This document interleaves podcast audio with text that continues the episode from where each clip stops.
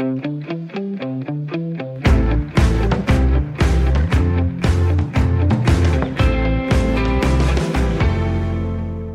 dermed velkommen til øh, Fire på Foden her på Radio 4. Mit navn det er øh, Oliver Breum, og jeg sidder klar til at sende øh, to timers øh, fodboldradio til dig derude. Det har jeg glædet mig øh, utrolig meget til. Jeg øh, lagde ud i sidste uges program, ligesom at bekende kulør, med at sige, at jeg øh, holdt med Silkeborg herhjemme, og øh, det bliver selvfølgelig også nødt til at lægge ud med i dag, fordi at, øh, det var en ganske fin weekend, hvad, hvad det angår. OB valgte at øh, tabe til Brøndby 3-1 for fik også lige et par røde kort, og øh, det betyder, at de ikke kan nå øh, Silkeborg på tredjepladsen, hvilket betyder, at de som oprykkere får bronze. Det må jeg bare sige, det er altså øh, det er så stort, når man holder med, med Silkeborg øh, IF. Der er meget, meget langt imellem, at øh, der er noget, der minder om sportssucces på, øh, på den skala. Så det er super fedt. Tillykke til mig. Nej, tillykke til Silkeborg og alle dem, der, der holder med dem. Det tænkte jeg bare lige, vi skulle, øh, vi skulle lægge ud med her i, her i programmet. Det håber jeg okay. Jeg har, øh, har to timer med til jer, som kommer til at blive øh, meget, meget interessante. Hele den anden time, der har været mit fokus på græs og de fodboldbaner, der er på Superliga-stadions rundt omkring i, øh, i landet. Det er sikkert ikke gået ret mange øh, øjne, især måske også ører, forbi, at øh, det står ret sløjt til øh, flere steder. Parkens bane har været ekstremt udskilt for at være øh, meget, meget dårlig. Og som en, der har sæsonkort inde i parken, så vil jeg sige, de, de kampe, hvor der decideret altså fløj sand op, når spillerne lavede taklinger eller sparkede til bolden, det, det, var, øh, det var nærmest ubehageligt at kigge på. Øhm, så det skal vi blandt andet snakke om. Parkens øh, bane. Jeg har en, øh, en groundsman med, faktisk formanden for Groundsman's Association, Carsten Påske, med i øh, hele anden time. Og så skal vi tale med nogle af de forskellige klubber om deres baner også. Vi skal forbi øh, FC Midtjylland, vi skal forbi FC Nordsjælland, og så skal vi også forbi Vejle. Det bliver, det bliver super, super spændende. Men her i den første time, så skal vi blandt andet kigge på Katar, der er nemlig et øh, nyt tiltag i forhold til, om øh, vi skal boykotte, og hvordan vi skal boykotte det. Vi følger op på, på de her Katar-nyheder her på, på Fire på Foden, og det gør vi selvfølgelig også i dag. Vi skal også kigge på noget faninvolvering, og hvad fansene egentlig betyder for klubberne i dag, og øh, om de kan betyde noget, øh, og måske også kan komme til at betyde mere i forhold til øh, at træffe afgørelser i, øh, i klubberne. Jeg ved, det er noget, mange fans rundt omkring helt sikkert gerne vil have, og også synes, de har en, en god mening og en holdning til, hvad der skal, øh, hvad der skal ske. Og så skal vi også til en, øh, jamen Ekstrabladet kalder det en konflikt, en stor konflikt, øh, der er i det, der hedder DBU Bredde. Og det er, øh, hvad kan man sige, organisationen i DBU, der står for alle breddeklubberne og en del af det her DBU Jylland sidder, og DBU Sjælland og DBU København osv. De sidder ligesom i den organisation, der hedder DBU Bredde. Og der har altså været lidt, øh, lidt drama i forhold til øh, den nye formand der, der hedder Ben Clausen, og ham taler jeg med til sidst i, øh, i den her time. Men jeg tænker sådan set bare, at vi øh, kaster os ud i det, og så øh, får det her program i gang.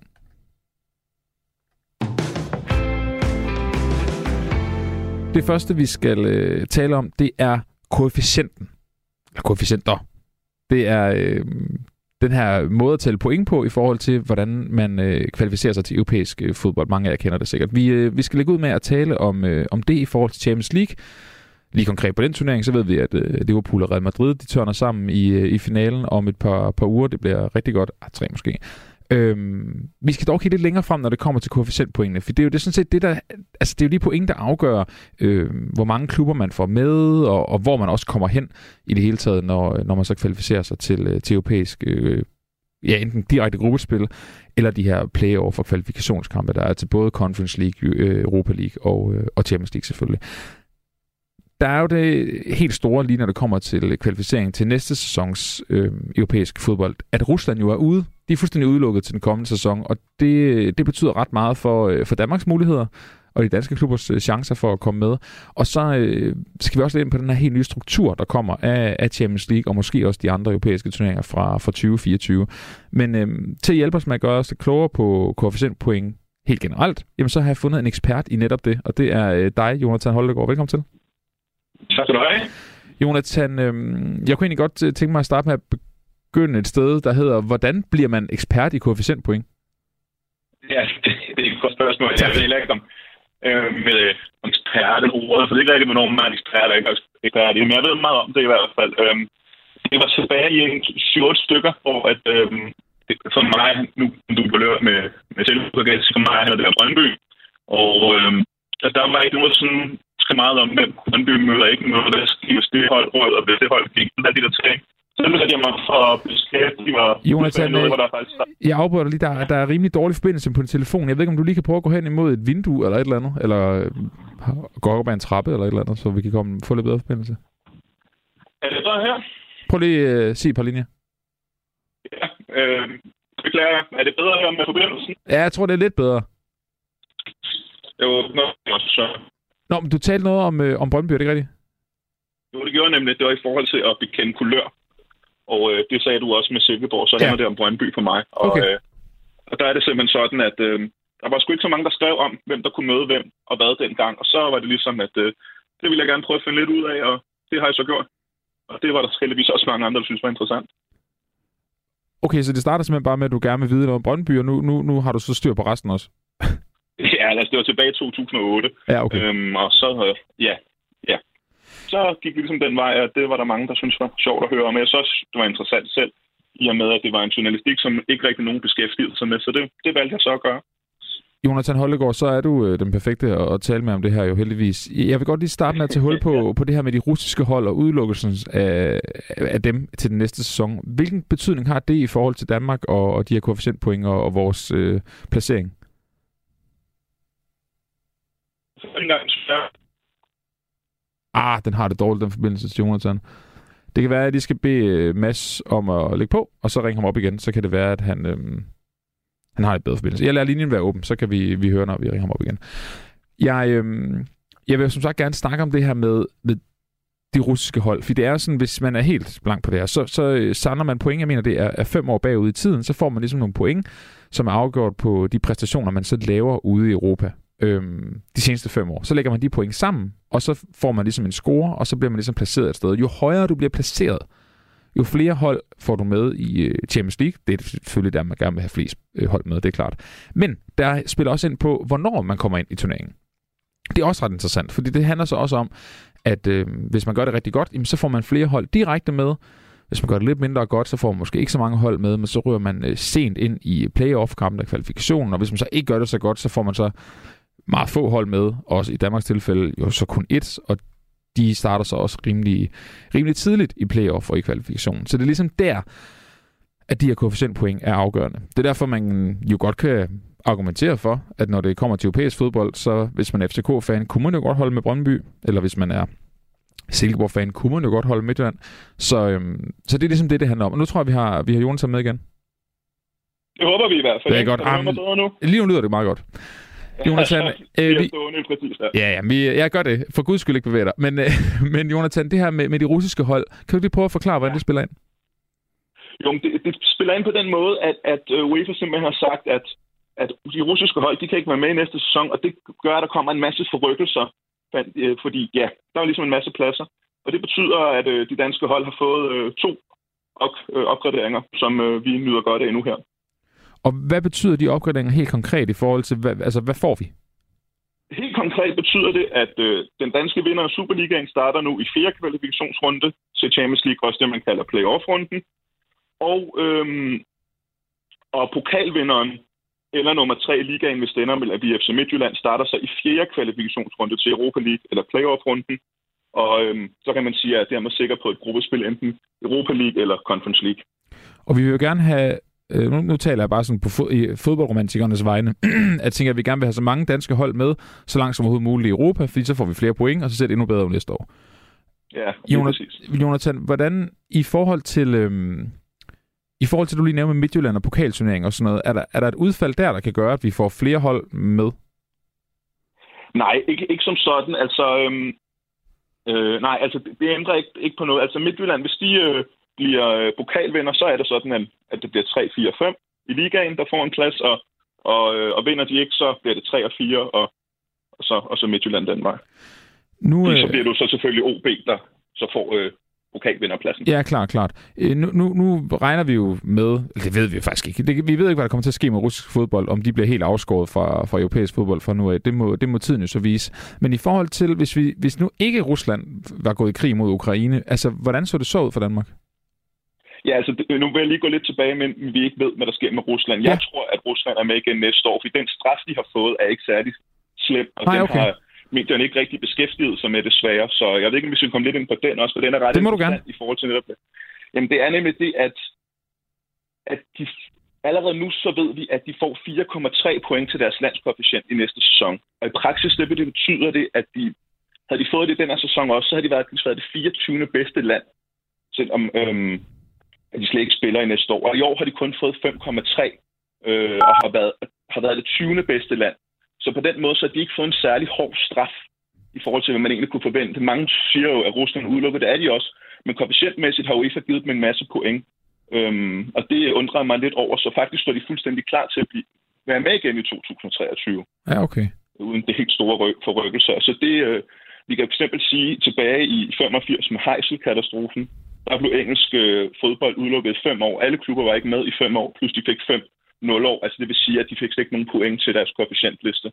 Så det er bare lige for at sige, at, at den straf, Rusland har fået, er faktisk ikke særlig hård. Og det, og det der med at få en lille smule point er afgørende, fordi man, øh, jeg nævnte lige mens, øh, øh at der var en forbindelse, at man lægger pointene sammen fem år gang, ikke? Så det er bare det, at man har fået lidt, betyder ligesom, man kan lægge til. Ja, men lige nøjagtigt, altså de, at de får altså 4,3, øh, det er ret mange point. Det var for eksempel flere end Danmark fik i hele sidste sæson. Øhm, og øh, ja, så, så og det er ret mange point, de får, og det er jeg faktisk lidt chokeret over, at, øh, at man på den måde har givet dem så mange point, selvom de slet ikke er med. Så jeg tror, alt er tilbage ved normalen med UEFA i to, sommeren 2023. Ja, okay. Nu, nu øh, det jeg spurgte om også ud over det, var jo, at øh, hvordan Danmark havde set ud, eller hvordan havde set ud for Danmark, hvis ja. ikke Rusland var blevet øh, var røget ud. Altså er det, er det en kæmpe gave, eller, eller er vi måske pointmæssigt tæt på rent faktisk selv at kunne spille os til de fordele, det nu engang har givet? Altså, det er, det er en, en stor fordel. Øh, for eksempel, vinderne af Superligaen starter nu i den sidste playoff-runde i stedet for tredje runde. Man kan sige, at der kunne man jo spille sig i fjerde, men det er jo ikke til at vide. Men den helt store fordel ligger jo i, at pokalvinderne nu starter i fjerde kvalifikationsrunde, eller playoff-runden til Europa League, i stedet for tredje runde, og dermed er sikker på et, et gruppespil. Og det er jo, hvis det nu ender med at blive Silkeborg, så er det jo en ret stor gave, kan man sige. Fordi at de havde været usidet og havde nok ikke klaret vejen ellers. Så det er en ret stor gave, dansk fodbold har fået der. Det er jo, vi må tage, hvad vi kan få, han har sagt. Øhm, ja, ja. Lige her til sidst, så har vi jo fundet ud af, at øh, Champions League-strukturen, den bliver ændret fra 24-25 ja. sæson, altså der går lige et par sæsoner, før, før det er aktuelt, øhm, hvor den så bliver udvidet fra, fra 32 hold til 36 hold, og så siger man også farvel til de her otte grupper. Man laver ligesom en stor liga, hvor man så møder, jeg tror det er 10 forskellige hold, fem hjemme og fem ude. Øhm, ja, det, det er så 8, 4 ude og 4 hjemme. Ja, nå okay, 4 ude og 4 hjemme, klart. Ja. Øhm, det var rigtigt. Oprindeligt var det planen, det skulle være de her 10 kampe, men ja. det har man så fået forandret ned til 8. I forhold til de danske chancer og, og, og koefficientpoint og sådan noget, så endte der også en lille ændring i, hvor mange, hvem der får øh, hvem med, han har sagt. Altså, hvordan vurderer du, at øh, de danske chancer bliver i forhold til at komme med i den nye udgave af Champions League? Jeg vurderer den til at være lige så, som de er nu. Okay. De fire hold, de kommer med på den måde, at de to lande, som har fået flest point i sidste sæson, eller den sæson, der er i gang nu, det vil for eksempel være så være England og Holland den sæson, de får et ekstra hold med. Øhm, så dem, som ligger femmer på ranglisten, de, øh, de får også et med. Og så er det sidste hold af de fire, det er så via kvalifikationen. Og det er så der, Danmark vil komme med. Så det er ikke en helt stor betydning. Nej, okay, okay. Så de, du har lige ved at sige, at de er lige så dårlige. Har jeg ret?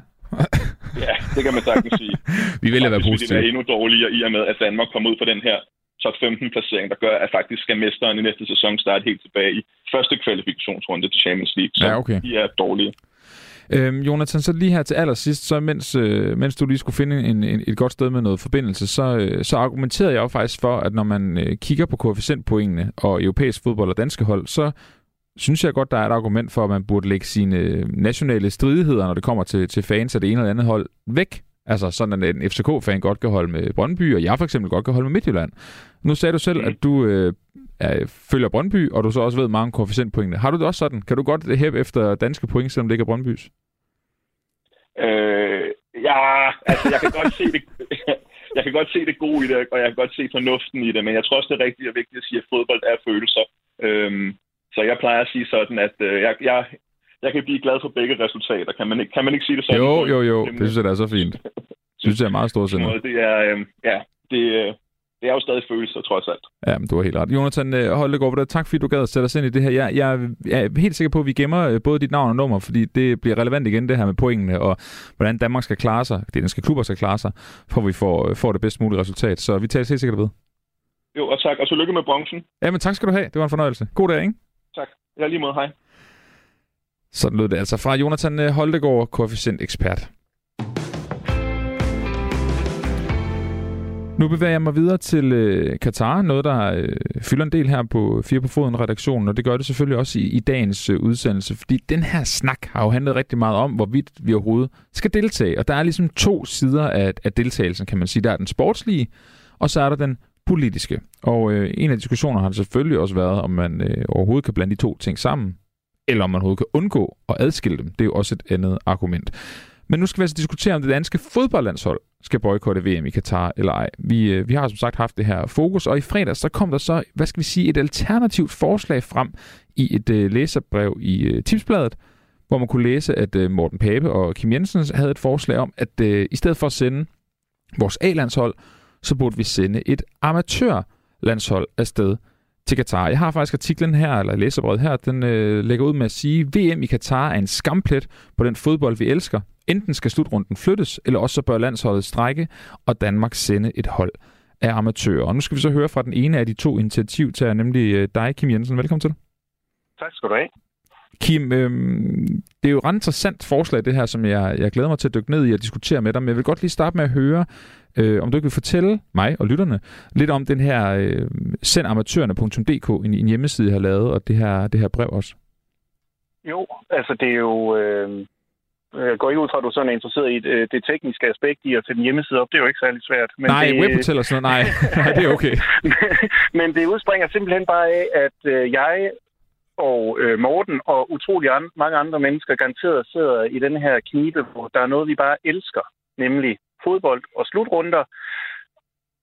Og der er noget, vi bliver nødt til at sige, eller noget, vi gør, fordi vi kan, ikke, vi kan simpelthen ikke være med på den slutrunde, der er i Katar. Og så, øh, så sad vi en dag øh, og snakkede om, jamen, det var egentlig lidt sjovt, fordi landsholdet, de stillede op med et amatørlandshold nede i Slovakiet, da de øh, selv arbejdede for bedre arbejdsforhold. Jeg er selv faglig aktiv og, og kan godt støtte deres kamp. Og så kom vi i tanke om, hold kæft, man. Tænk på, hvis de på den allerstørste scene går ud og siger, vi er en del af noget større, som jo er deres slogan. Øh, vi kommer til at strække, men vi sender et øh, amatørlandshold i stedet for, som øh, kommer og, og spiller og gør det her ikke for pengene, men for øh, at vise os glæden ved fodbold.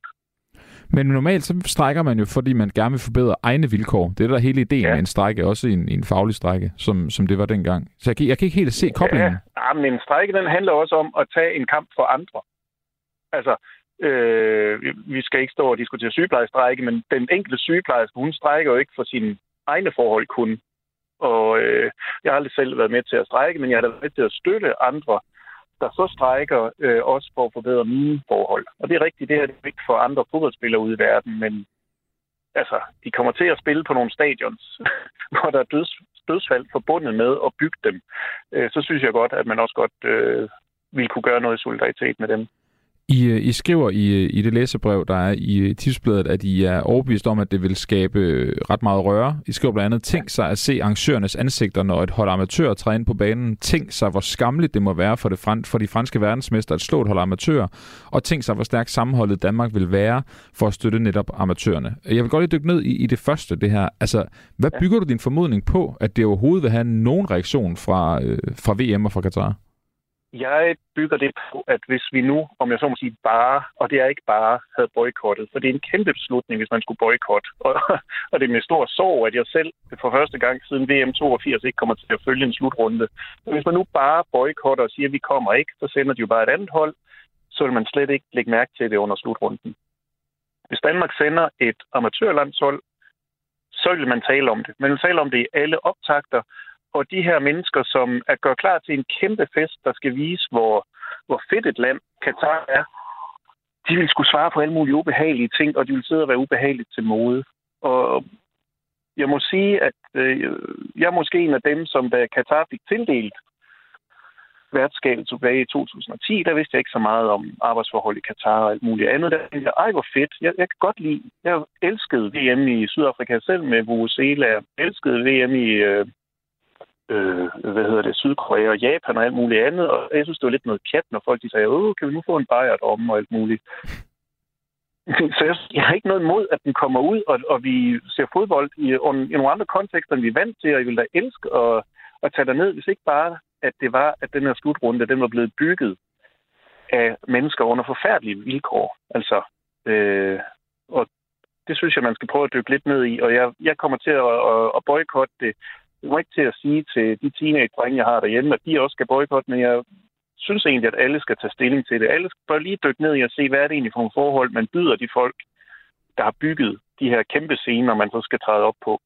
Der, der, der er to ting her, jeg gerne lige vil dykke ned i. Det ene det er det her med øhm, dit eget boykot. Altså man kan sige, man taler også meget om det her med, at øhm, en, en lille ændring gør, gør en forskel. Det er jo noget, vi hører hele tiden i forhold til klimaforandringerne lige nu. Ikke? Køb noget mindre kød, eller tag toget i stedet for bilen. Alt det der.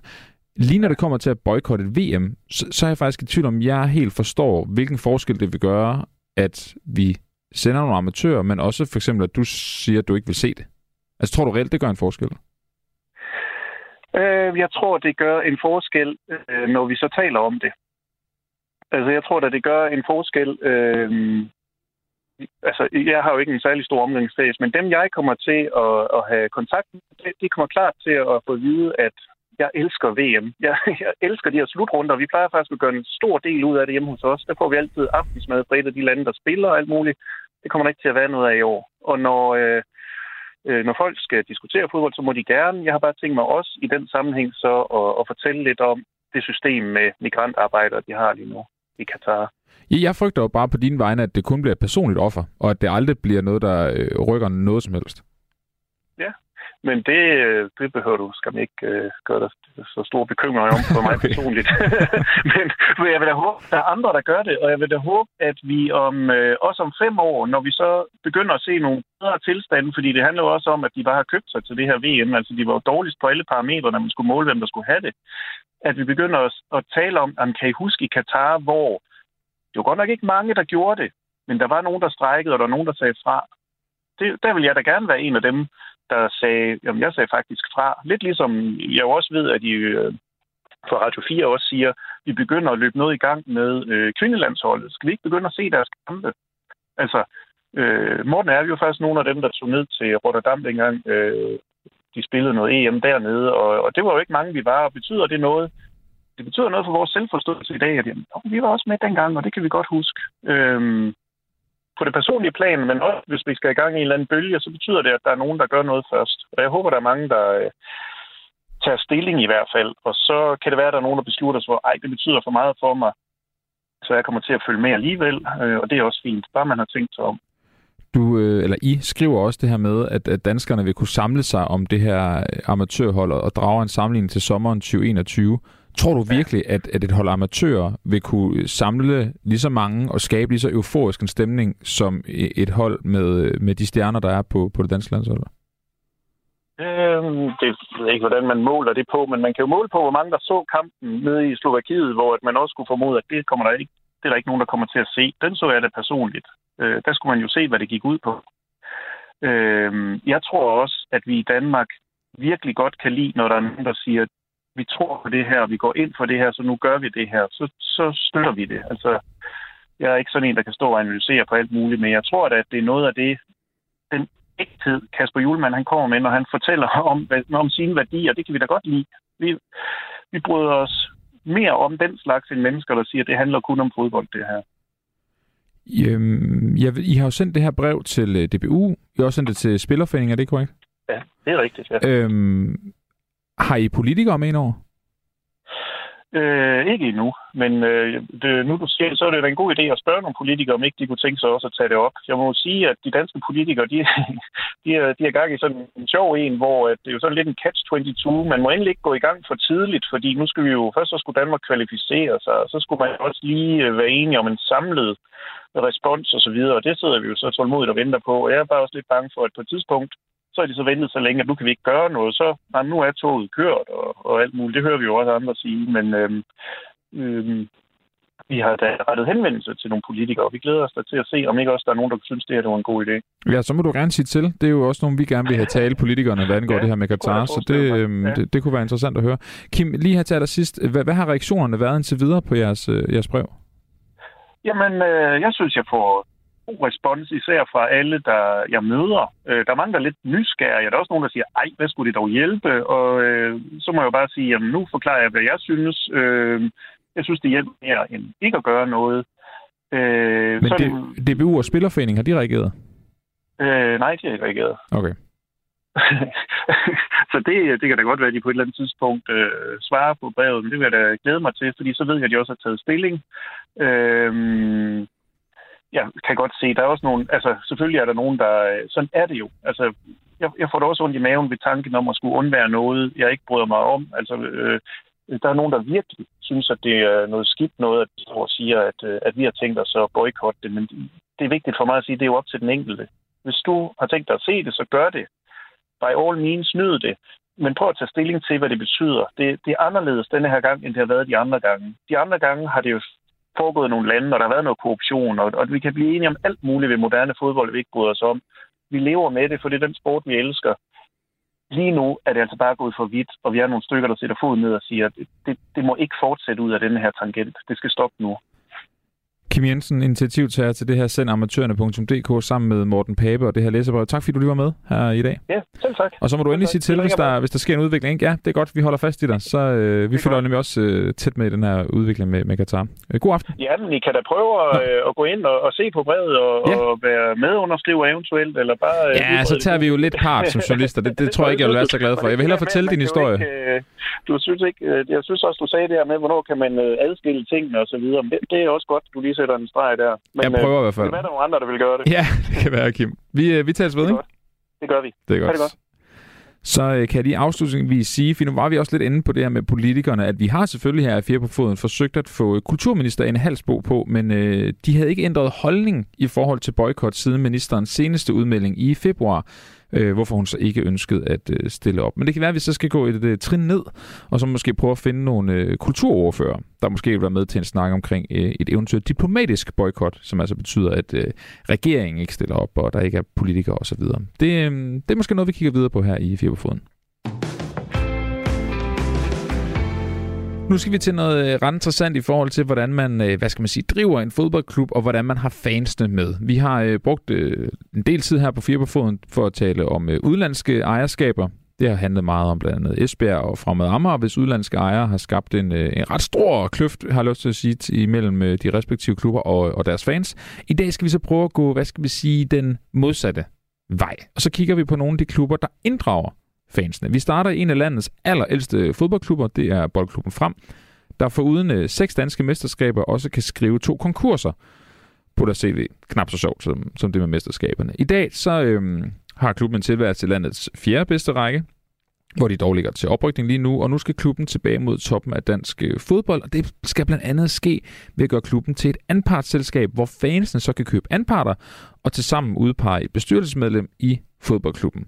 Hvordan det skal foregå, jamen det har vi talt med næstformand og initiativtager til projektet i Boldklubben Frem, Simon Nyborg. Simon Nyborg, næstformand i Boldklubben Frem. Velkommen til. Tak.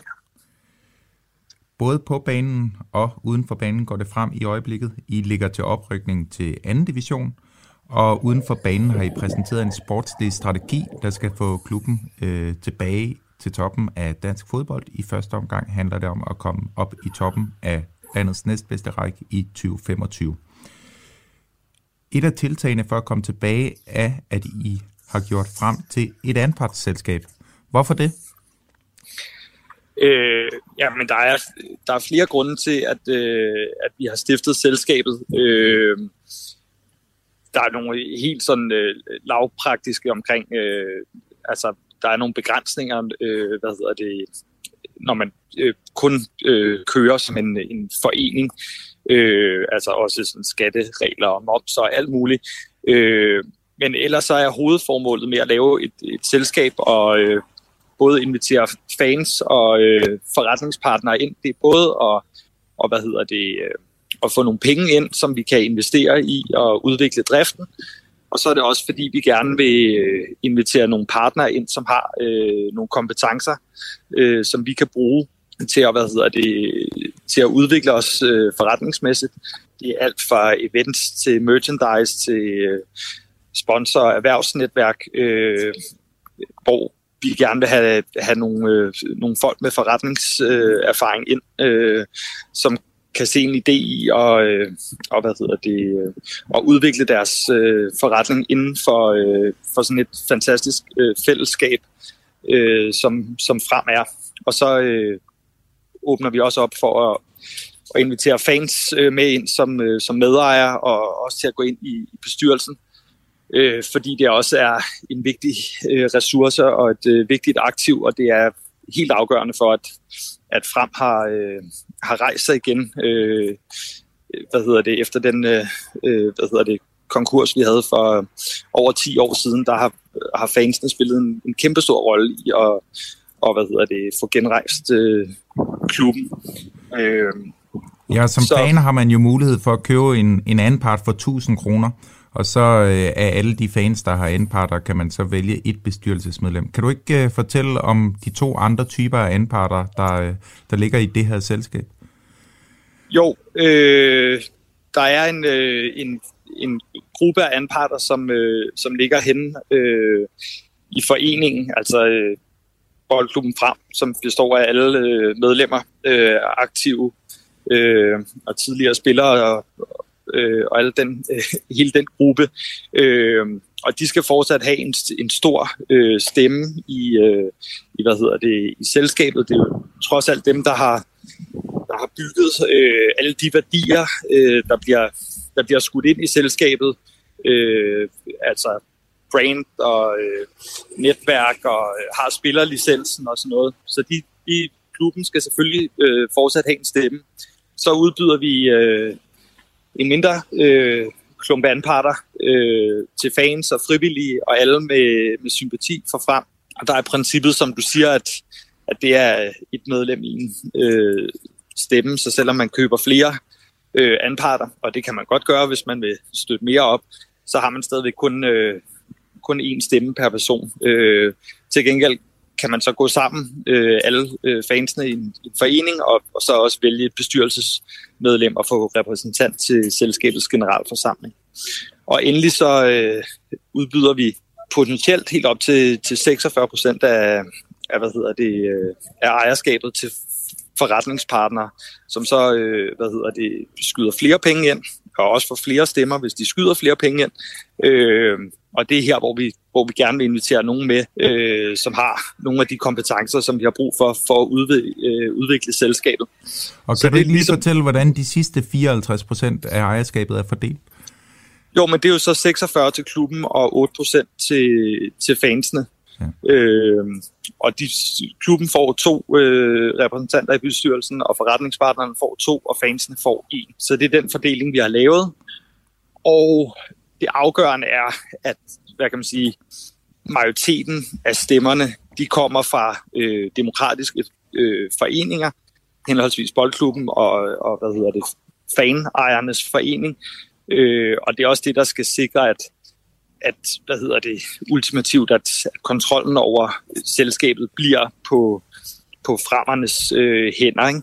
Altså man kan godt, man har jo set eksempler på faktisk nogle gode og sympatiske ejere, der er kommet ind og har købt andre fodboldklubber, men på et tidspunkt vil de ud, og så sælger de øh, til nogle mindre gode ejere, øh, og hvor klubben og, og øh, fansene og sponsorerne og alle dem, der ligesom øh, skaber øh, øh, klubben i dagligdagen, de, de bliver kørt over og ikke har nogen øh, stemme. Og det er der jo nogle, en masse skræmme eksempler på. Så det, på den måde er det vigtigt, at vi, vi ligesom holder sådan den afgørende kontrol med selskabet øh, på klubben og fansens hænder, så det ikke øh, kan, kan ende et, et helt galt sted.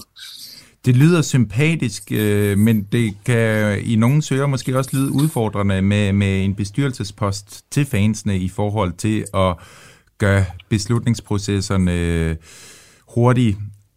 Hvordan ser du på det? Altså, hvorfor er der ikke øh, flere fans involveret i, i øh, andre bestyrelser i Danmark? Vi har set eksempler på det i Brøndby, men derudover skal man jo kigge langt efter faninvolvering i bestyrelsesarbejdet i fodboldklubberne i Danmark. Ja, altså, øh, og det er, det, i virkeligheden synes jeg også, at Danmark skiller sig lidt ud, fordi i mange andre lande øh, ser vi en stor bevægelse, hvad hedder det, med, med fans, der går ind og øh, øh, hvad hedder det, og overtager øh, og hjælper med at, at løfte eller genrejse øh, klubber. Øh, så, og, og det er også en bevægelse øh, og et netværk, som, øh, som frem er en del af. Vi har kontakt til rigtig mange klubber rundt omkring i Europa, som, øh, hvor, hvor fansene enten ejer det hele eller, eller spiller en stor rolle.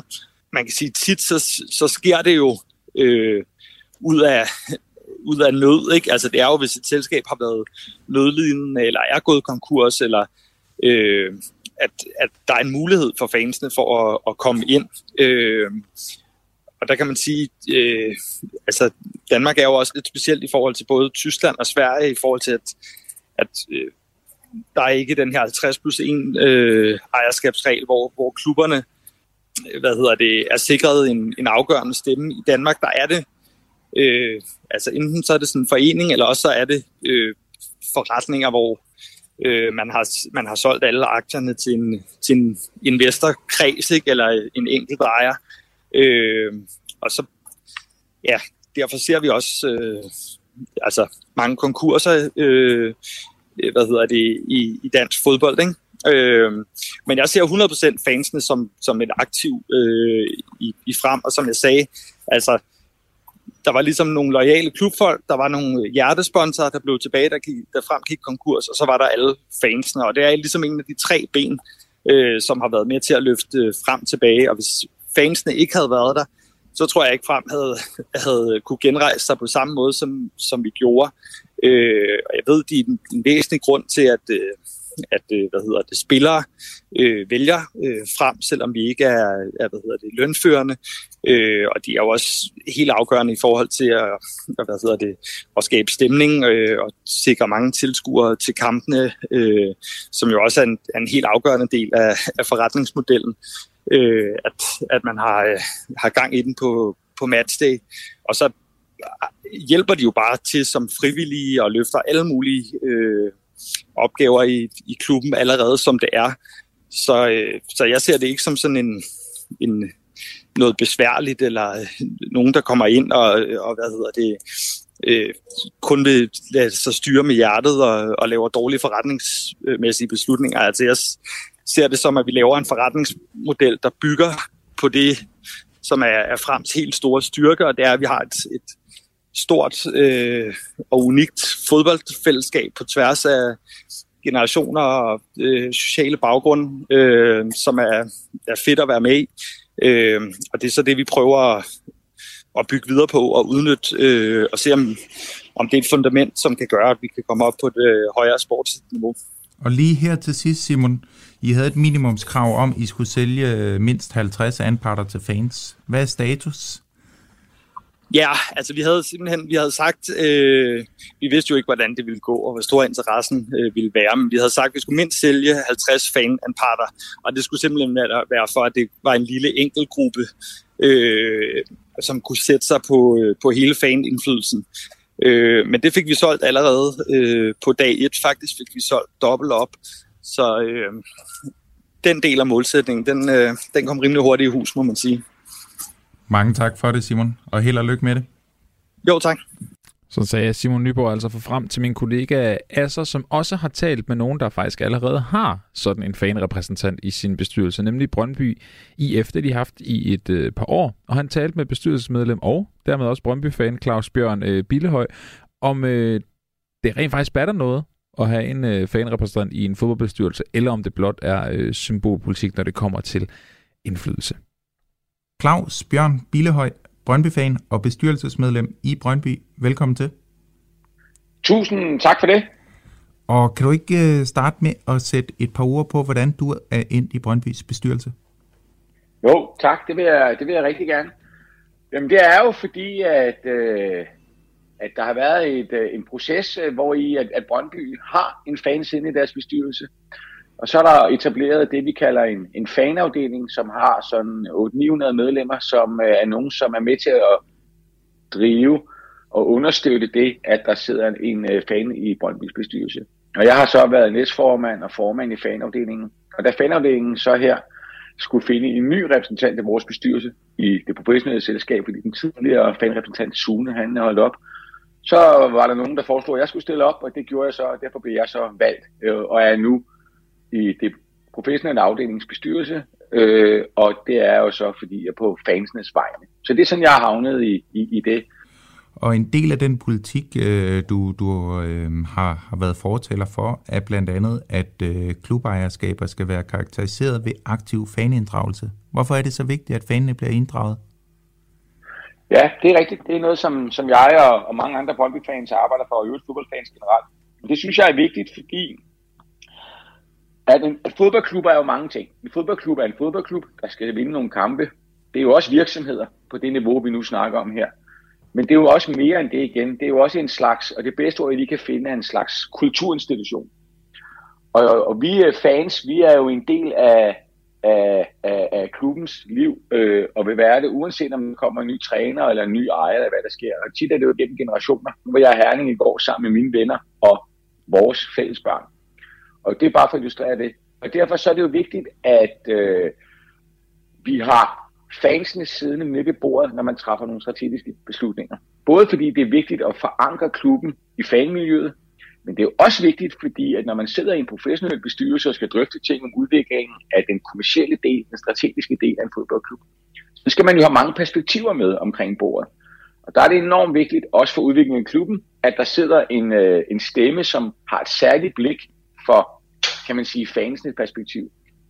Og samtidig, hvis jeg lige må gøre det færdigt, det, også, det er så også, at kontakten, kan man sige, mellem klubbens øverste ledelse, altså bestyrelsen og direktion og fans, og fanscenen bliver også aktiveret. Det er også en af de roller, jeg har. Dels ud at sidde i bestyrelsen, men også ligesom bygge en bro og skabe nogle dialoger. Og det giver altså værdi, både i min optik for den del af en fodboldklub, der handler om at være en fodboldklub, for man skal have ro på, når man skal vinde fodboldkampe. Også til at drive en, øh, den, en, en god forretning, men faktisk også den del, der handler om kulturinstitutionen, hvis vi har det her øh, fælles samarbejde mellem fans og, og klubejere og klubledelse. Så det er derfor, at man skal have fans siddende i klubbers bestyrelse. Og det er jo ikke kun jer, der har fokus på det her. Det er også divisionsforeningen, der er begyndt at rette fokus mod ejerskaber i dansk fodbold.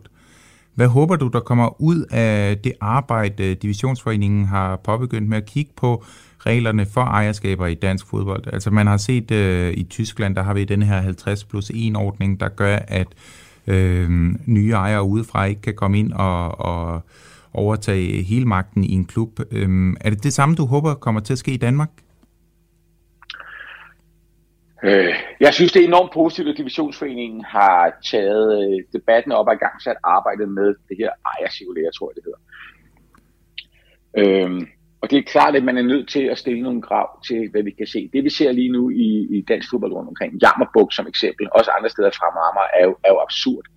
Og det er jo der, hvor i at forståelsen af det også er, kulturinstitutioner er jo forsvundet. Det er jo sådan det rene Klondike, det rene vilde vesten.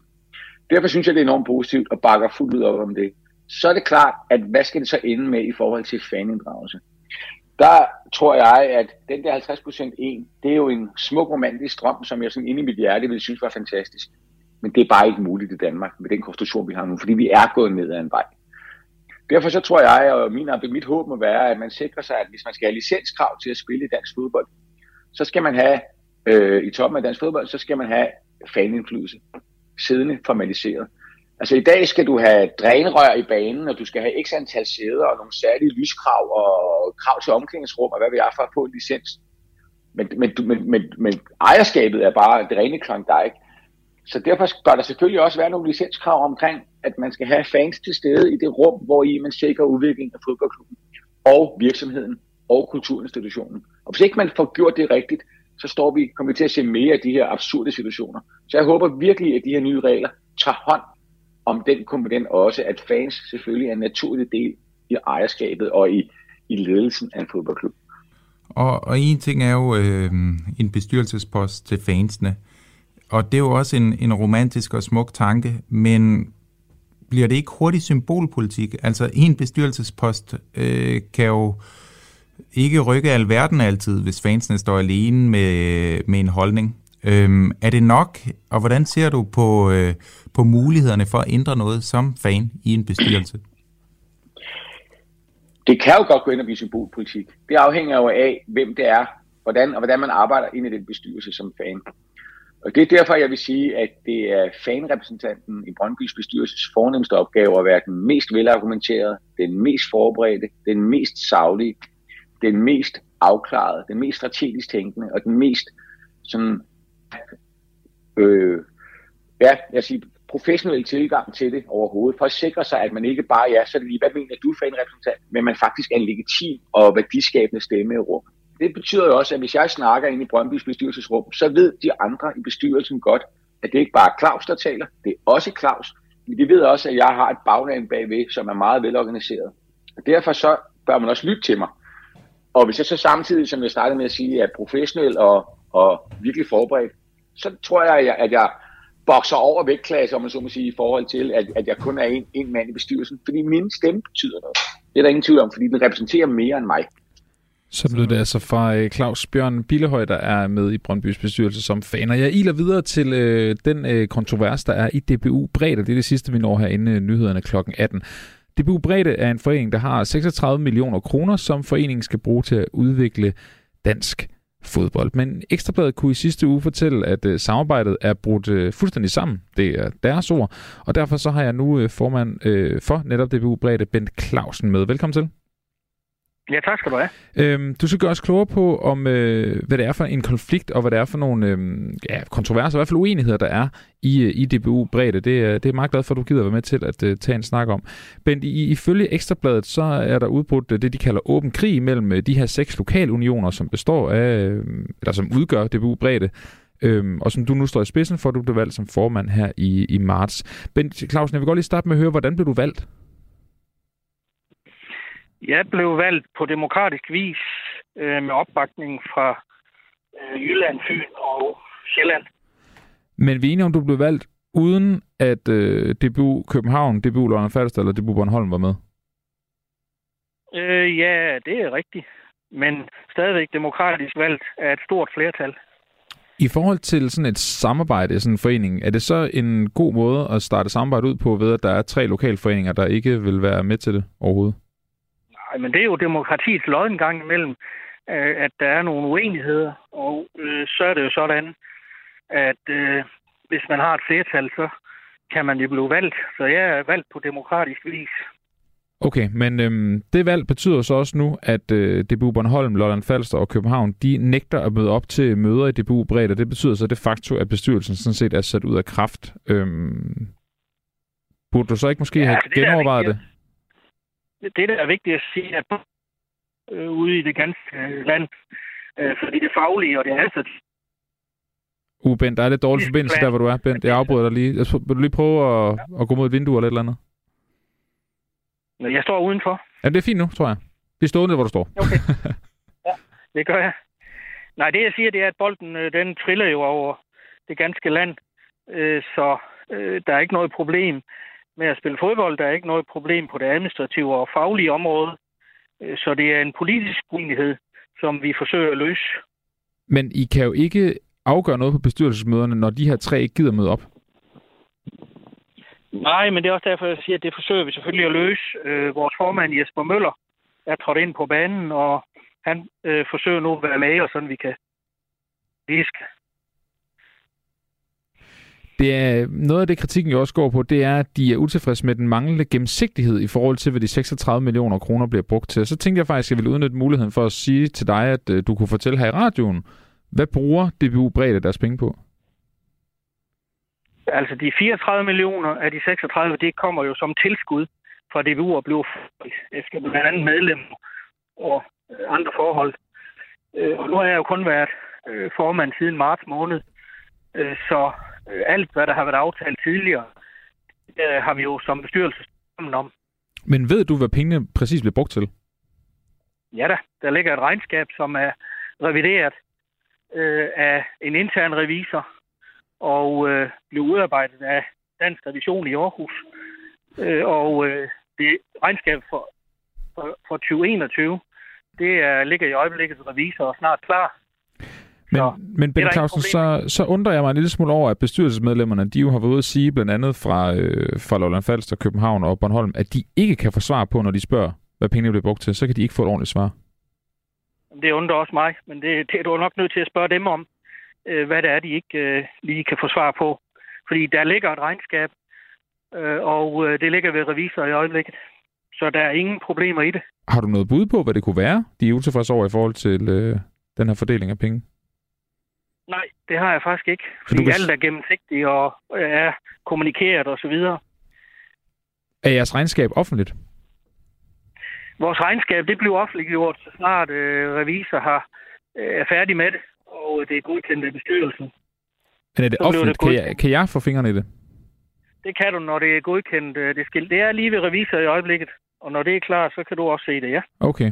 Er det grunden til, at øh, de andre bestyrelsesmedlemmer ikke kan få det at vide, fordi der er en revisor, der kigger på det lige nu? Øh, nej, altså det har jo også tidligere været øh, offentliggjort i bestyrelsen. Øh, så, øh, og, og det har det jo også under den tidligere formands ledelse. Så øh, jeg forstår det alt talt ikke. Men jeg forstår det heller ikke. Jeg undrer mig da også lidt over, at der er så voldsom reaktion på først, at du bliver valgt som formand, og så efterfølgende manglende gennemsigtighed. Men, men øh, den gennemsigtighed, den påstår du så, at den er der. Ja, det er den. Alt er forelagt øh, for både for øh, cheferne i de enkelte lokalunioner og for bestyrelsen, hvor alle sidder. Hvad, hvad har de sagt til dig, når de er blevet utilfredse med, med det, det, du har svaret? Øh, jamen, jeg har jo ikke øh, snakket med dem om det her øh, i, det, altså, i det sidste stykke tid, fordi øh, de ønsker jo ikke at møde op til bestyrelsesmøderne, så det snakker vi jo ikke om. Øh, men regnskabet, det er tæt på at, blive færdig, at være færdig, og så blev det offentliggjort. Okay, men så du ved ikke konkret, hvad det er, de mangler at få gennemsigtighed i? Ærligt talt, nej. Okay, kunne det ikke være en idé at undersøge det? Så kan det være, at du kan give dem det jo. Øh, det var måske også en idé, at de kunne komme og sige, hvad der er galt. Jeg mener ikke, der er noget galt overhovedet. Nej, men og de, den tidligere ja, okay. ledelse har jo også, øh, har jo også øh, har jo ikke haft problemer med, med, at, gemme, øh, med at godkende det. Jamen, tror du, det er personligt mod dig, det her? Det ved jeg ikke. Det må du spørge andre om. Nå, men det kan godt være, at der havde været nogle, nogle hændelser, der gjorde, at du tænkte, det var den vej, det pegede mere, end det handlede om, om gennemsigtighed eller ej. Du siger jo, det Nej, er det kan, jeg gennemsigtigt. ikke forestille, det kan jeg ikke forestille mig. Du kan ikke forestille dig, at det handler om, om, om dig personligt frem for budgettet. Det, det, er ikke nogen, det har de i hvert fald ikke øh, sagt til mig. Og jeg har det lidt sådan, hvis man er utilfreds med nogen, så må man jo komme og sige det til. Den, man er utilfreds med. Det plejer jeg at gøre. Ja, det der plejer da sikkert også at virke bedst. Ben Clausen, øhm, er der slet ikke noget i, i, i budgettet og i brugen af de her midler, du, øh, du tænker skal ændres? Og det synes jeg, vi skal snakke øh, om rundt om øh, bestyrelsesbordet. Fordi det er jo der, man træffer beslutninger. Så det kan da sagtens være, at der er noget, der skal ændres, men det skal vi jo tage rundt om bordet, Har du nogle, møder. nogle bud på, hvad det kunne være? Altså dine egne personlige idéer til, hvad der kunne ændres? Ved du hvad, jeg synes faktisk, at det kører rigtig godt i dansk breddefodbold. Vi har lige haft en stigning fra 310.000 til 344.000 medlemmer. Og vi har en masse gode initiativer i gang i øjeblikket, blandt andet en helt ny børnestrategi, som kører helt fantastisk. Så der er rigtig mange ting, som hele bestyrelsen har besluttet, øh, og som kører rigtig godt. Jeg vil Og lige det vil jo gerne have det fortsætter, og derfor synes jeg jo, at der skal være et stærkt, øh, stærkt øh, bredde i Danmark. Og øh, det kræver, at vi alle sammen er med. jeg vil lige have til sidst høre, Ben Clausen, øh, nu sagde du, at det er ved at blive revisorgodkendt. Er det internt eller eksternt, det bliver godkendt, det regnskab? Det er begge dele. Begge dele. Er det noget nyt, I er begyndt på at gøre det eksternt? Altså, det er, en- det er, det er besluttet den 8. på et bestyrelsesmøde 8. februar, hvor alle var til stede, øh, at det skal øh, revideres af en ekstern revisor, og det er det, vi er ved at effektuere. Så, så før derhen, så har det været internt, at DBU selv ligesom har, har tjekket regnskaberne. Revisor, ja. Har, har det undret dig? Det har vi haft en snak om i bestyrelsen, øh, og øh, nu blev vi så enige om, at vi vil have, øh, have det revideret af en ekstern revisor her den 8. februar. Det er jo vi alle sammen enige om. Okay, men, men har du undret dig over, at, at det først er nu, der kommer en ekstern revisor på? Egentlig ikke, øh, fordi øh, de 34 millioner af dem, de er revideret i øh, lokalunionen og i DBU. Så det er kun de sidste 2 millioner, der er revideret af en intern revisor. Så øh, det har vi ikke følt behovet for tidligere. Men øh, nu har vi besluttet, at det øh, blev revideret af en ekstern revisor i Og- enighed. Ja det, ja, det var nemlig også noget af det, som jeg kunne forstå var, var kritikken fra DBU København, Lolland Falster og Bornholm. Men øhm, det sker jo så nu. Ben Clausen, Ja, øhm, men de har selv været med til at beslutte det, så ja, det er så det. Ben Clausen, på her, det, øhm, tak fordi du lige gad være med og tale lidt økonomi i DBU Bredde. Det kan være, at vi skal prøve at hive dig med ind i studiet sammen med nogle af de andre lokalforeninger. Det kunne være meget sjovt at have en, have en snak om, øh, om det, hvis du skulle have lyst til jeg det. tror, det er bedre, at vi klarer det rundt om bordet i bestyrelseslokalet, Ja, det er rigtigt nok. Det kunne også være lidt fedt at have en snak i radioen om det. Ved du, ben, på den idé, jeg lige lader ligge, ikke? og så kan det være, at vi kan, kan gøre den til noget en dag. Tak fordi du var med her. Ja, det er godt. Så er altså Ben Clausen, der er formand for DBU Brede over fra DBU i Jylland også. Det var det fra sidste time her af Radio 4 og 4 på foden. Nu får du en øh, radiovis, når klokken bliver 18, så er jeg tilbage på den anden side.